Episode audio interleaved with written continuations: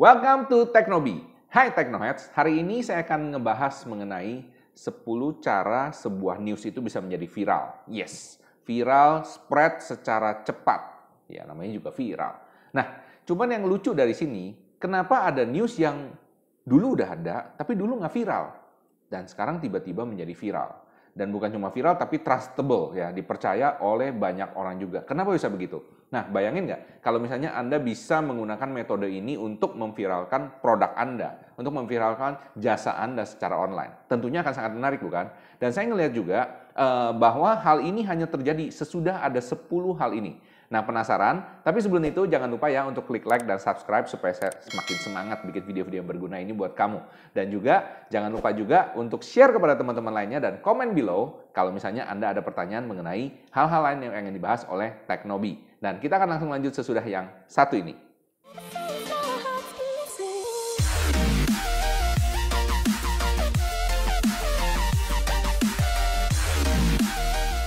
Oke, okay, welcome back to Teknobi. Masih bersama saya Michael Sugiarto, host Anda di Teknobi. Nah, di Teknobi ini kita ngomongin segala sesuatu mengenai bisnis online, teknologi, dan startup yang saya yakin kamu pasti suka. Hari ini kita akan ngebahas gimana caranya sebuah news itu bisa viral ya. Dan uh, jujur saya ngelihat ini dari kacamata sebuah konten marketing. Uh, kenapa? Karena belakangan ini saya uh, kita semua pada tahu ya ada wabah, ada pandemi dan uh, sebenarnya news ini menarik. Karena kenapa?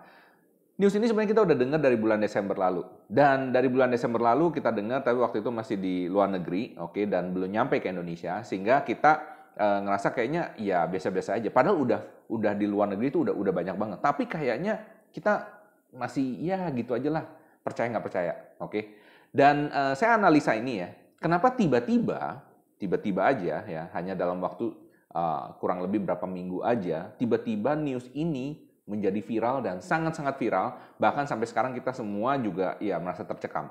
Nah, saya mau melihat dari sisi positifnya aja. Gimana caranya kalau kita ngambil metode-metode ini untuk nanti ya Anda bisa promosi produk ataupun jasa Anda secara online. Menarik bukan? Sekarang pertanyaan satu lagi. Seberapa sukses viralitinya? Well, uh, saya udah bagi ini dalam 10 bagian, oke. Okay? Dan seberapa sukses? Kalau semakin banyak uh, si apa penerima informasi ini terpapar dari 10 uh, eh, poin ini, maka akan semakin sukses virality-nya. Oke. Okay? Tapi kalau misalnya cuma sebagian ya cuma sebagian. Well, tapi again uh, ini merupakan analisa saya pribadi ya. Jadi saya uh, bisa aja uh, miss something. Tapi again, jangan ragu kalau misalnya Anda ada ngerasa uh, saya miss something, tolong komen below jadi saya bisa tahu. Oke. Okay? Nah, uh, sekarang kita akan mulai dari poin yang pertama.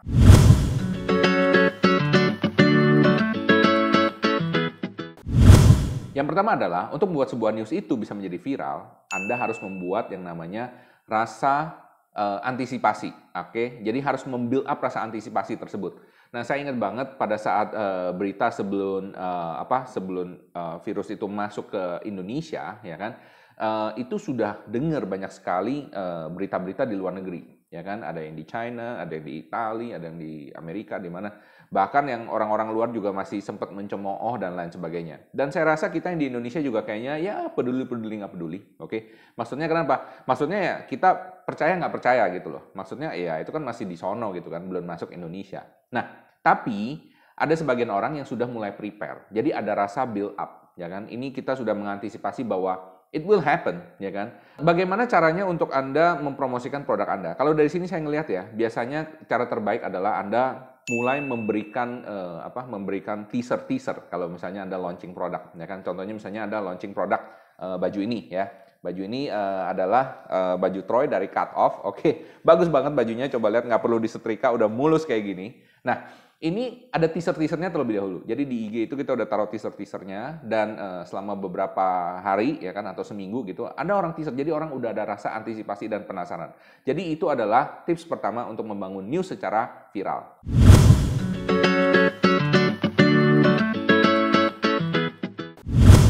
Tips yang kedua, endorser yang sangat terpercaya. Nah, masih ingat nggak pada saat kita pertama kali mendengar news ini? News ini yang pertama kali di uh, ngomongin oleh siapa? Ya, di ngomongin oleh tak lain dan tak bukan adalah seorang endorser yang sangat-sangat terpercaya, yaitu kepala negara kita sendiri. Well, uh, ini cukup apa ya istilahnya uh, cukup heboh karena pada saat Pak Jokowi itu ngomong constantly ya langsung ya yang namanya penjualan any kind ya mood orang itu semuanya tuh langsung berubah. Dan fokus kita sekarang udah bukan ngomongin hal-hal uh, yang biasa lagi, tapi sekarang fokusnya udah ke sini. Ya, udah ke sini, langsung jebret ke sono. Dan bahkan indeks bursa saham itu besok buka itu langsung tutup. Karena kenapa ya anjlok gila-gilaan. Ini berarti kenapa? Berarti attention orang itu uh, udah berubah, ya kan? Udah berubah ke arah ini. Karena kenapa? Untuk pertama kalinya, tadi ngomong nggak ada kasus, nggak ada kasus, eh tiba-tiba ada kasus, oke? Okay? Dan kasusnya langsung ada yang kena dua, oke? Okay? Dan ini langsung merubah perspektif kita. Oh, ternyata benar bisa terjadi juga di sini, ya.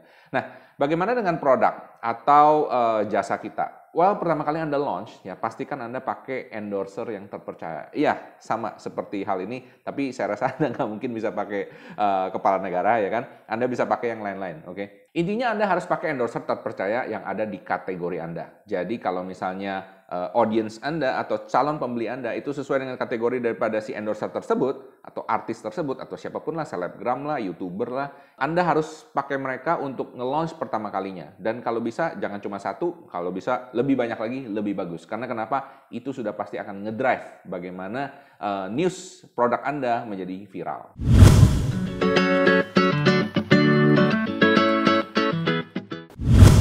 Yang ketiga, Metode penyebarannya ada di semua media.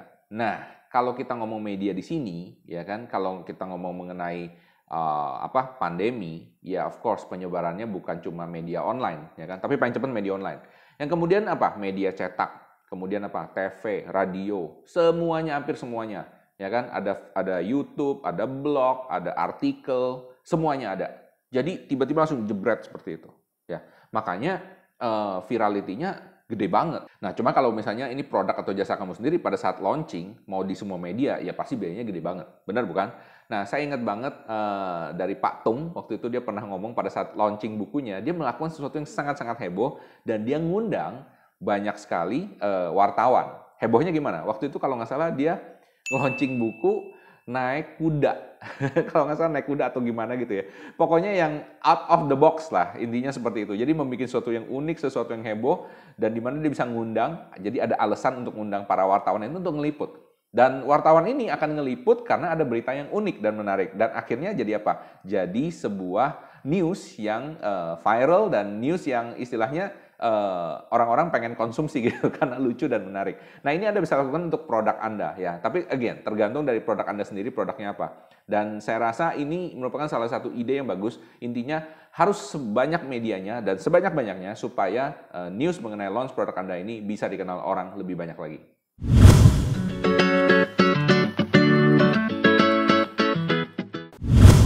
Tips selanjutnya adalah ada bahan konten yang tersedia Nah, ini dia.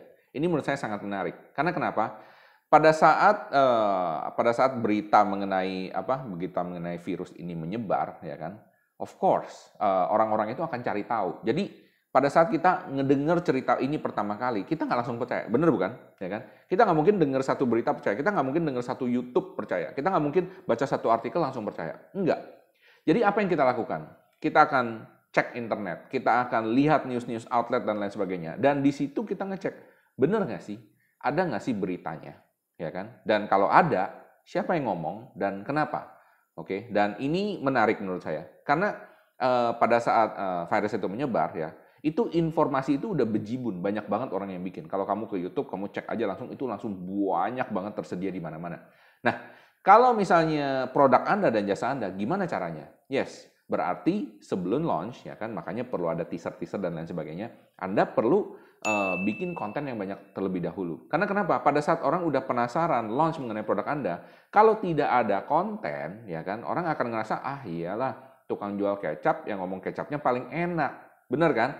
Nah, yang ngomong kecap Anda enak nggak bisa Anda sendiri. Harus ada orang lain yang nge-review juga dan lain sebagainya. Dan ini sama seperti tadi kayak uh, produk launch, ya kan? Anda ngundang uh, wartawan, ngundang uh, yang lain dan suruh mereka bikin artikel, oke? Okay? Dan launchnya mungkin uh, dalam berapa lama dan seperti itu orang akan pada saat dia search di internet, ya kan? Uh, dia akan ngeliat, apalagi YouTube ya kan dia akan ngeliat, dia akan search, oh ada, oh kalau ada berarti baru bonafit, ya kan? Paham di sini ya. Jadi harus ada konten-konten yang sudah tersedia yang bisa memuaskan hati orang. Oh ya, untuk ngecek kebenarannya ini benar apa enggak. Nah pertanyaannya, ada berapa konten yang orang mesti lihat? Kalau nggak salah sih bocorannya ya insight-nya mungkin sekitar 7 sampai 11 konten. Yes. Jadi orang perlu lihat 7 sampai 11 konten baru dia bisa menimbulkan rasa percaya. Bahkan kalau udah rasa percaya seperti itu, dia akan ngomongin ke orang lain. Makanya itu bisa menjadi viral. Nah, jadi paham ya, itu adalah bahan konten yang tersedia untuk disebarkan.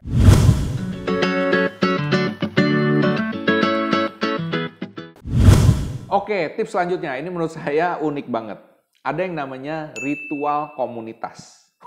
Apa Pak ritual komunitas? Well, kalau misalnya Anda di komunitas, mungkin ada ritual kayak cara salamannya. Atau pada saat foto semuanya misalnya begini, ya kan? Atau hmm. begini, ya kan? Well, itu adalah ritual komunitas dan menunjukkan bahwa komunitas ini memang uh, paham mengenai uh, hal tersebut.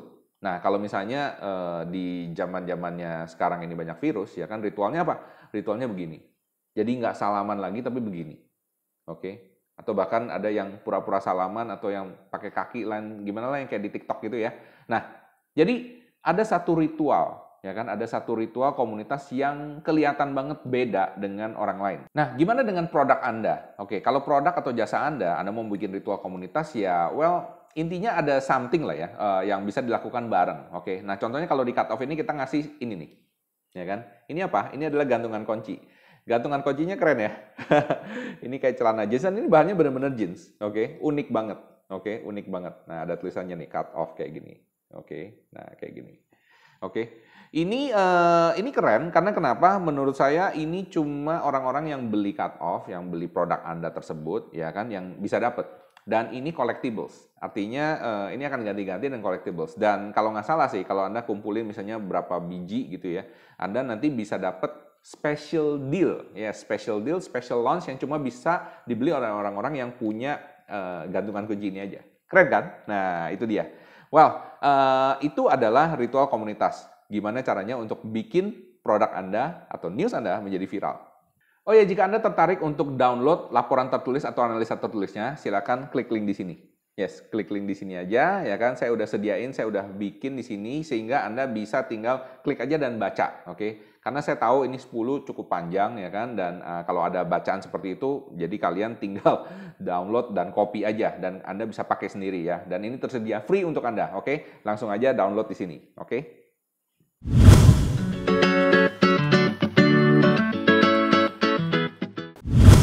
Nah, tips keenam gimana caranya supaya produk atau news Anda bisa viral, ya kan? Yang tadi sebelumnya adalah ada ritual komunitas. Nah, sekarang ada yang namanya ritual pribadi. well, kalau di zaman sekarang ini ritual pribadinya apa? Sering-sering cuci tangan. Yes, sering-sering cuci tangan. Dan cuci tangannya nggak main-main, bukan sembarangan ya kan. Ini perlu minimum 20 detik ya kan? Jadi saya biasanya nyanyi nih nyanyi apa ya? Saya nyanyi pelangi pelangi kayak gitu kan. Itu 20 detik tuh kira-kira kalau anda nyanyi pelangi pelangi ya kan? Sampai selesai. Dan uh, ada juga orang-orang lain yang berusaha membuat ritual-ritual pribadi. Contohnya apa? Bikin jamu uh, empon-empon namanya ya kan? Uh, bikin jamu. Dan kemudian ada yang uh, minum vitamin. Setiap hari dulu nggak pernah minum vitamin sekarang minum vitamin. Atau yang uh, orang yang apa kumur air garam sebelum tidur ya kan. Nah, atau bahkan ada yang olahraga dan jemur matahari ya kan katanya matahari jam 10 tuh bagus. Banyak tuh orang-orang mulai jemur. Well, eh, itu adalah ritual pribadi yang Anda buat gara-gara ada eh, peristiwa ini, gara-gara ada news ini. Oke. Okay? Jadi ada usaha dari Anda. Kalau tadi kalau tadi sebelumnya adalah uh, usaha komunitas, sekarang adalah usaha dari Anda sendiri untuk membuat Anda jauh lebih baik. Nah, kalau misalnya produk gimana Pak? Ya, kalau produk misalnya ritual pribadinya contohnya, misalnya kalau Anda beli sneakers, ya kan beli sneakers ritual pribadinya apa? Anda harus cuci sepatunya. Ya kan? Atau bahkan ada orang yang beli sneakers itu khusus untuk digambar-gambar sendiri. Well, saya nggak ngerti produk Anda apa, tapi yang jelas orang itu harus melakukan sesuatu dengan produk tersebut. Ya kan? Jadi Uh, atau misalnya ada special care atau something. Ini menjelaskan kenapa misalnya kalau Anda beli jam tangan mahal, contohnya ya, jam tangan yang apa istilahnya yang otomatis kayak gitu, Anda malah mesti sediain satu box yang rewinder itu, ya kan? Jadi jam tangannya udah mahal, uh, mesti beli mesti beli lagi box ini untuk ditaruh dan dia muter-muter sendiri supaya jamnya tuh tetap jalan gitu loh. Karena jam yang otomatis itu kan mesti dijalanin terus ya. Jadi intinya seperti itu. Nah, jadi ada suatu ritual pribadi yang membuat Anda itu harus ngelakuin sesuatu gara-gara Anda beli produk ini atau jasa ini. ya. Itu adalah tips yang nomor 6.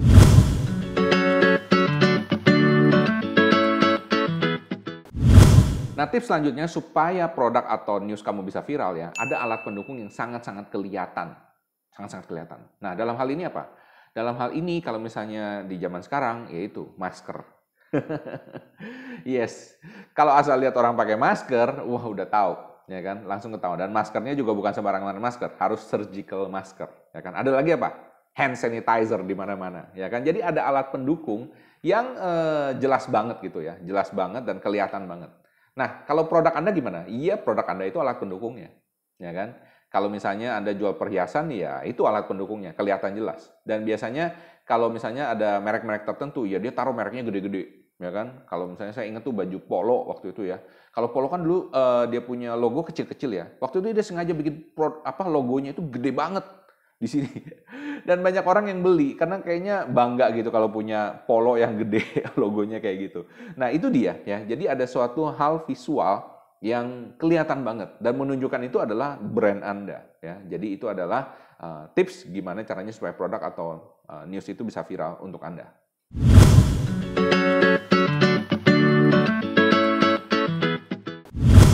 Tips selanjutnya ialah ada testimonial, ada bukti, ya kan? Buktinya kalau di zaman sekarang apa? Ada fatalitas. Yes, ada orang yang unfortunately uh, meninggal dunia. Dan ini membuat orang itu, waduh, jadi pada takut, ya kan? Nah, kalau produk gimana? Kalau produk ada testimonial. Ada testimonial orang udah pakai produk Anda jadi tambah kinclong, tambah cakep, tambah kurus, ya kan? Atau misalnya tambah keren. Well, anything, ya kan? Tapi intinya ada testimonial dari user ya kan yang udah pakai produk tersebut. Jadi supaya bisa viral, produk ini harus ada testimonialnya. Apa pun itu, ya kan? Bahkan yang senegatif semisalnya kayak penyakit, ya kan? Ada yang meninggal gara-gara itu. Orang baru bisa percaya, ya kan? Dan penyakit ini ya atau testimonial ini harus diumumkan, harus dikasih lihat gitu loh. Dan uh, ini memang unfortunate, tapi ini adalah salah satu resep gimana supaya orang itu bisa percaya, ya kan? Ada ada keyakinan bagaimana uh, orang itu apa istilahnya pakai produk ini dan ada hasilnya, ya kan? Hasilnya bisa positif, bisa negatif, tergantung dari produknya.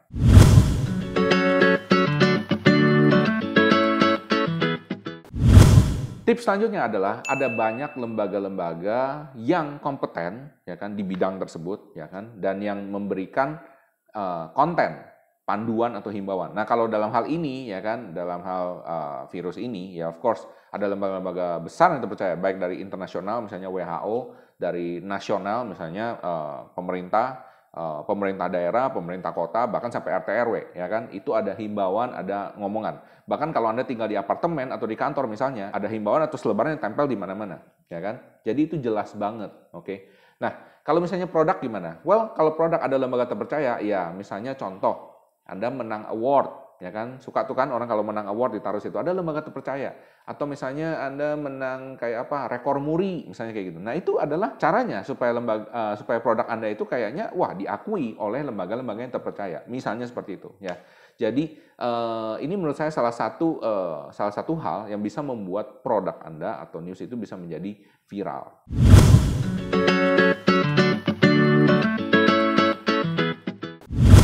Nah ini adalah tips terakhir yang menurut saya sangat unik dan uh, saya belajar dari uh, pandemi ini, ya kan? Yaitu apa? News ini bisa menjadi sangat viral karena orang harus sharing dan dia harus pay attention to this news, ya kan? Karena kenapa? Kalau mereka nggak pay attention, mereka nggak praktekin, ada resiko. Resikonya apa? Well, kalau di dalam hal virus ini, resikonya adalah fatal, ya kan? Resikonya meninggal atau sakit atau apa pun, ya kan? Itu resikonya. Jadi ada resiko yang disebabkan oleh karena eh, Anda mengindahkan berita ini. Pak, bagaimana dengan produk Pak? Kalau produk kan misalnya Anda cuekin aja nggak masalah, betul, ya kan? Yang dicuekin itu bukan produknya, yang dicuekin itu adalah offernya. Yes, offernya. Jadi kalau misalnya offernya Anda ngomongin mengenai uh, apa ada sell hanya dalam waktu misalnya tiga hari atau gimana, ya orang nggak bisa cuekin. Apalagi kalau misalnya dia ngerasa produk ini berguna dan sudah ada testimoni yang dia rasa dia pengen beli, ya kan? Jadi Anda harus bikin gimana caranya untuk catch attentionnya orang supaya dia nggak cuekin offer atau produk Anda. or anything lah, ya kan? Ini udah terjadi. Contohnya kemarin saya ngelihat ada sepatu kompas gitu ya, sepatu kompas itu, waduh, gila banget itu, ya kan? Untuk dapetin sepatunya aja yang ngantri itu banyak banget dan ngantrinya bener-bener ngantri mereka gitu ya untuk berusaha ngedapetin sepatu itu. Karena kenapa? Abis itu udah dibeli nilai jualnya jauh lebih tinggi gitu loh. Nah jadi ada orang-orang yang memang koleksi sepatu-sepatu tersebut dan ini bisa terjadi bahkan untuk produk, ya kan? Jadi ada resiko yang dia uh, hadapi kalau misalnya dia mengindahkan offer ini atau sell ini atau launching ini. Apa itu? Well, That's one of the case. Well, itu adalah 10 analisa bagaimana sebuah news uh, itu bisa menjadi viral dan ini saya rasa bisa di apa aplikasikan untuk produk atau jasa yang Anda jual. Uh, secara online maupun offline ya kan? Uh, ini dari kacamata saya sebagai seorang content marketer. Saya harap ini bisa membantu anda ya kan? Dan kalau misalnya anda ingin laporannya sekali lagi ya kan? Laporan tertulisnya ada di sini anda bisa download langsung ya kan? Anda bisa cek di sini ya kan? Jadi anda nggak perlu perlu capek lagi ya. Dan juga anda bisa share ke teman-teman yang lain terserah nggak masalah. I give it to you free ya kan? Check it out aja Oh ya, thank you banget. Jangan lupa untuk klik like dan subscribe supaya semakin semangat untuk bikin-bikin konten yang berguna buat Anda. Dan sampai jumpa, salam sukses, spektakuler.